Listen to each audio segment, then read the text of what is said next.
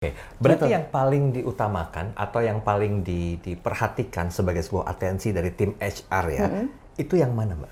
Kombinasi, Mas. Kombinasinya. Kombinasi. Karena kayak seperti technical skill pasti dibutuhkan, knowledge pasti dibutuhkan. Kenapa? Itu yang membuat dia mampu me- melakukan pekerjaan spesifik tersebut.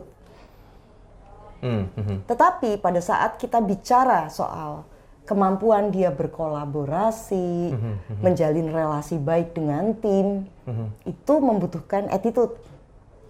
Oke. Jadi kalau bicara dalam rekrutmen eh, tergantung, tergantung, Eh, tergantung eh, prinsip dari company-nya juga, culture dari company yang eh, sedang melakukan rekrutmen ya, Ya, gitu ya, mas. ya, ya, ya, ya. Lebih lebih yang mana, lebih berat yang mana. Tapi kalau riset mengatakan mas banyak banget keberhasilan kita dalam jangka panjang 75 persennya ditentukan oleh soft skill. Smart FM. Smart, smart career. Halo Smarters, podcast Smart Karir kembali lagi bersama dengan Anda, tentunya bersama saya Daril Adam dan hari ini kita akan coba bahas tentang tiga hal ya yang digadang-gadang itu mempengaruhi kemajuan karir Anda. Apakah mungkin berhubungan dengan skill, ataukah mungkin berhubungan dengan attitude, atau justru knowledge. Bahkan ada orang yang mengatakan knowledge is a power. Cukup nggak sih sebetulnya untuk mendongkrak karir Anda? Atau dari sisi HR ada pertimbangan lainnya. Yuk kita bahas bersama dengan People Discovery and Engagement Corporate HR Kompas Gramedia ada Mbak Anari. Hai Mbak. Halo mas. Nggak bosan ya ketemu kita ya? Tentu tidak, Mas Daril. Eh, skill, attitude, knowledge. Kita pahami dulu ketiga ini. Gimana Oke. Mbak Anari? Boleh, kalau di kami, di orang-orang HR itu ada ada memisahkan knowledge dan kompetensi. Oh, oke. ya, oke. karena kalau knowledge itu sebatas pengetahuan, kalau kompetensi itu sudah sampai mampu melakukan. Hmm, hmm. Nah, ada technical knowledge atau technical competencies. Itu skill. Skill ini penggunaannya berganti-ganti ya, skill dan kompetensis. Kalau kompetensis tuh eh, biasanya kita pahami sekumpulan skills. Hmm. Seperti eh, jurnalis, itu ada skill menulis, skill mewawancara, tapi kompetensinya sebagai jurnalis terdiri dari sekumpulan skill. Oke. Ya, paham, itu perbedaannya. Nah, kalau attitude itu uh, lebih kepada perilaku kita yang sifatnya soft. Ya, ada technical kompetensi, ada soft competencies. Di dalamnya ada attitude, ada kemampuan negosiasi, semacam itu. Itu sering disebut dengan soft skill atau soft uh, competencies. Ada perbedaan di situ mas, tipis-tipis gitu. Iya, iya, Tapi kalau orang HR biasanya membedakan itu. Pemahamannya seperti itu sih. Mas. Jadi tiga hal ini sebenarnya saling keter- keterkaitannya erat atau tidak nih Mbak? Karena kan ya. jarang ya yang skillnya bagus, misalnya attitude-nya kurang, knowledge-nya oke gitu. Sehingga zaman sekarang tuh kan kayaknya HR ngeliatnya, aduh attitude-nya nggak banget deh, tapi anaknya pinter, anaknya mau belajar. Nah, komen sedikit tentang hal ini. Oke, attitude itu biasanya berkaitan dengan values. Hmm. Makanya kita sering bilang attitude-nya proper nggak proper gitu loh mas, ya iya, kan? saya pernah dengar itu, iya. Iya kan, biasanya itu berkaitan dengan values. Nah, eh, kita sebagai orang manusia itu pasti terdiri dari kombinasi itu deh, attitude, eh, skill, knowledge seperti itu, kombinasi dari itu. Nah, cuman banyak riset yang mengatakan itu bahwa uh, knowledge atau technical kompetensi yang tadi aku Iya, iya, sebut, iya. keahlian teknis itu dibutuhkan banget untuk mampu melakukan sesuatu, Mas. Tapi kalau ingin berhasil dalam jangka panjang, yang dibutuhkan soft kompetensi, termasuk di dalamnya attitude. Attitude. Yes. Karena tadi orang pintar bisa sih gitu kan mengerjakan ini, tapi apakah karirnya akan panjang? Kan pasti akan menimbang attitude dan lain-lain. Mhm, Oke, berarti Gitu. yang paling diutamakan atau yang paling di- diperhatikan sebagai sebuah atensi dari tim HR ya, itu yang mana Mbak? Kombinasi, Mas. Kombinasinya. Kombinasi. Karena kayak seperti technical skill pasti dibutuhkan. Knowledge pasti dibutuhkan. Kenapa? Itu yang membuat dia mampu me- melakukan pekerjaan spesifik tersebut. Hmm, mhm. Tetapi pada saat kita bicara soal kemampuan dia berkolaborasi, menjalin relasi baik dengan tim, itu membutuhkan attitude. Oke. Jadi kalau bicara dalam rekrutmen eh, tergantung, tergantung, Eh, tergantung eh, prinsip dari company-nya juga, culture dari company yang eh, sedang melakukan rekrutmen ya, Ya, gitu ya, mas. ya, ya, ya, ya. Lebih lebih yang mana, lebih berat yang mana. Tapi kalau riset mengatakan mas banyak banget keberhasilan kita dalam jangka panjang 75%-nya ditentukan oleh soft skill. Tidak hanya knowledge-nya. Karena knowledge mudah ya. obsolete, Mas. Oh, Sangat mudah obsolete. Hari ini Ya, saya ya, ya. menguasai ini, besok udah ada ilmu baru, ada skill baru, apalagi sekarang ya disrupsi kencang Ya, banget ya, ya. teknologi luar Betul, biasa. Pengetahuan itu sangat cepat untuk obsolete.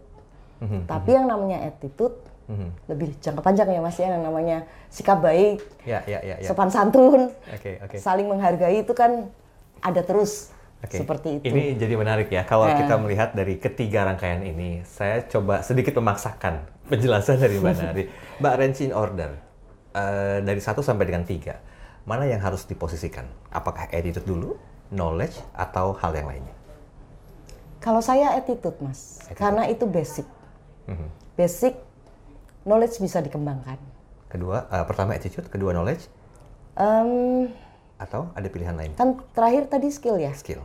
Skill itu Oke, kalau saya attitude dulu termasuk di dalamnya adalah kesediaan dia untuk belajar, kesediaan dia untuk menerima masukan, itu attitude buat saya ya. Lalu knowledge, lalu skill. Oke. Saya memposisikan diri seorang yang baru melamar pekerjaan. Ya. Ketika lolos eh, seleksi yang pertama, itu kan kita masuk ke tes ya. Serangkaian tes yang notabene itu katanya menentukan kita tuh ada di posisi itu layak atau tidak gitu ya. Sejatinya tes itu menggambarkan nggak kebutuhan untuk attitude, skill, dan knowledge, Mbak? Tergantung alat tes yang dipakai, Mas. Ini balik lagi ya Iya, sebetulnya ya. Iya. Gini kan, sekarang seleksi itu sering menggunakan tes IQ. Ya kan? Skor IQ-nya berapa? Eh, pengalaman saya itu tidak terlalu menggambarkan. Karena itu hanya memberitahu kapasitas galonnya gitu loh, Mas. gitu. iya, iya. Tapi kalau kita ngomong eh, analogi ya Mas ya biar mudah dipahami. Eh, galon itu macet atau nggak macet kan tergantung dispensernya ya Mas ya. Setuju, setuju. Nah, Ya, ya. dispenser itu termasuk dari attitude. Jadi kita punya kapasitas kecerdasan besar. Tapi kalau kita tidak bisa mengimplementasikan itu, tidak menggunakan itu dengan bijak, ya nggak akan ke mana-mana. Oke. Agak ngeri juga ya. Pinter, cepat Iya, iya, belajar, tapi nggak nggak mau dikasih feedback, merasa benar sendiri, ya dia nggak akan ke mana-mana mas. Iya. Dibanding orang yang mungkin ya butuh waktu untuk lebih memahami, tapi dia selalu terbuka terhadap masukan. Dia punya grit, dia punya ketekunan untuk belajar, nggak malu kalau salah, nggak malu kalau gagal, dia nyoba lagi. Ya itu jauh lebih berkembang nantinya. Ah, ini sesuai bahasan kita beberapa edisi lalu ya, Iya. tentang apa namanya yang Grit yang dan growth mindset. grit and growth Betul, mindset. Ya, betul. iya, iya, iya. Betul sekali. Mbak, saya jadi berpikir gini loh, Hmm. Mbak. Saya ingat orang tua saya tuh pernah bilang begini, ya udah biarin aja dia emang bandel tapi pinter.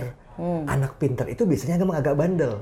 Saya berpikir ke arah attitude nih ya. Eh, coba Iya, iya, apakah iya. ini cocokologi atau tidak gitu. Iya. Secara psikologis, apakah memang seperti itu? Lepas dari attitude bandel ya, mungkin nggak mau dibilangin karyawannya, tapi dia pinter, dia punya skill yang bagus, tapi attitude-nya begitu loh. Nah, Oke. pandangannya eh, Mbak Nari gimana Ya. nih? Ah, aku nggak terlalu berani bicara lebih jauh karena Yes, yes. sebab akibat kan belum atau korelasinya belum tentu terbukti ya. Ya, Tapi kita bicara attitude itu apa? Persoalan apa? Kalau persoalan value, benar salah, norma, umum, Hmm, ya rasanya itu perlu pendidikan ya. Artinya perlu pendidikan gini, yang namanya melanggar aturan Hmm, itu kan aturan yang mana nih? Kalau itu melanggar batas norma yang dianut umum, tentunya tidak bisa. Itu sebabnya dibilang attitude baik dan buruk. Tapi kalau bandel, dilihat dulu bandelnya apa nih? Karena ke- dia kreatif Hmm, hmm. Atau butuh ruang lebih, Ya, ya, ya. tentu kan kita membahayakan orang lain tidak. Kalau tidak ya mungkin anak ini hanya butuh ruang lebih untuk eh, mengekspresikan atau mengeksplorasikan kreativitasnya. Oke, oke. kayaknya kita harus lebih bijak deh untuk menjudge orang attitude-nya baik atau buruk, Iya, iya. bandel atau nggak bandel, dilihat dulu bandel apa. Iya, iya. Kayak orang misalnya ini aja ya, ternyata dia ngerjain ini juga, gitu kan? Nah ini masalahnya mengganggu orang, value-nya persoalannya apa ya kita lihat dulu. Kalau ternyata dia hanya butuh ruang lebih untuk berkreasi, selama itu masih bisa diakomodasikan atau di provide, why not? Karena biasanya ya orang tuh orang yang kreatif itu kan butuh stimulus lebih ya mas ya. Setuju, setuju. Dan Gitu. kadang-kadang bagi orang yang melihat itu tuh eh, perspektifnya tuh berbeda gitu ya. Iya. Anak bandel banget. Padahal dia butuh ruang lebih gitu ya Iya, ya. bisa jadi seperti Iya, itu. iya, Cuman kembali lagi ya, kontekstual, Ah, kasus betul. per kasus kita lihat. Iya, makanya saya, saya coba tanyakan kalau diurutkan nih, tadi kan Mbak Nari bilang ya attitude dulu. Attitude baru kalau hal-hal dalam yang konteks lainnya. saya values. ya, Selama ya, ya. val- values-nya selaras dengan organisasi, kenapa enggak gitu ya? ya itu itu yang basic pertama soal integritas. Itu kan bukan masalah bandel, Mas. Ada orang nggak bandel tapi integritasnya kita perlu pertanyakan. Ya, Ya, ini betul, betul. ya ini persoalan value. Nah, i- buat saya itu nomor satu dulu. Value-nya selaras dengan organisasi tidak, gitu kan? Yes. Sebetulnya sebelum kita closing ini udah dapat kata kuncinya ya, uh, Smart Sisters ya. Value atau mungkin juga attitude itu uh, merupakan sebuah principal things yang kayaknya tuh nggak boleh di uh, apa ya Mbak, nggak boleh di, di Abaikan. abaikan. Dan ini uh, merupakan satu hal yang kayaknya penting untuk diperhatikan. Tapi attitude itu bisa dirubah nggak kira-kira? Bisa lah, semua orang bisa berubah. Based on apa? Satu, kesadaran orangnya. Bahwa ini, saya, attitude saya ini masalah atau nggak masalah. Kalau orangnya nggak merasa masalah, dia nggak akan berubah, Mas. Ah, Tentu ya. Harus dua sisi dong. Ya. Jadi butuh sekali kesadaran dari individu itu sendiri untuk eh, berubah, mengubah dirinya. Oke, sebelum kita ambil konklusi, momentum seperti apa yang perlu dilakukan sama tim HR melihat pertimbangan-pertimbangan tadi jika seseorang attitude-nya tuh dirasa bisa dirubah, tapi kok kayaknya perlu proses nih. Nah, gimana caranya HR untuk menggawangi ini? Eh, biasanya untuk itu kan perlu ada komunikasi dua arah. Saya selalu mengutamakan eh, konteksnya apa, case-nya kayak apa, karena manusia tidak bisa digeneralisir, Mas. Setuju. Setuju ya, setiap orang unik, setiap orang punya persoalannya masing-masing. Dari sana tentu kita tahu problem utamanya dia apa, sehingga attitude-nya seperti itu. Baru kita bisa kasih treatmentnya Ya, ya. harus seperti apa dia. Gitu. Jangan-jangan persoalan pribadi yang dia frustasi lalu bermasalah di organisasi. iya. Nah persoalannya di sana gitu. Nah, harus cari akarnya ya. Akar persoalannya. Jangan melihat buahnya aja. Iya, iya. Kita konklusiin yuk hari Ya, ini. Silakan apa yang mau disampaikan? Ya, em, kembali lagi manusia eh, menurut saya dimensinya sangat banyak. Kita nggak bisa simplify begitu aja dari perilaku yang muncul. Sehingga, sehingga sebagai HR, apabila kita berprofesi sebagai HR, butuh sekali eh, komunikasi dua arah dengan people, dengan karyawan untuk memahami tadi attitude, skill, knowledge bisa membedakan secara jernih sehingga kita tahu bagaimana mengelola mereka dan menumbuhkan mereka secara tepat. Itu sih mas. Baik. Tidak ada sempurna dalam kehidupan ini, termasuk tentang attitude atau yang identik dengan value, kemudian juga kecerdasan Anda, bahkan mungkin juga skill Anda sendiri. Jadi pesannya adalah senantiasa upgrade ketiga hal itu agar keselarasan dalam uh, aktivitas Anda di perusahaan, kemudian juga secara pribadi dan impact-nya pun terhadap keluarga ini bisa menjadi yang terbaik. Jadilah seseorang yang terbaik dengan attitude yang bagus, value yang sangat luar biasa, tambah knowledge Anda dengan membaca atau melihat banyak hal-hal baru yang positif pastinya dan upgrade skill Anda. Saya Daryl Adam, sampai jumpa. Smart FM. Smart Career. Make your future better.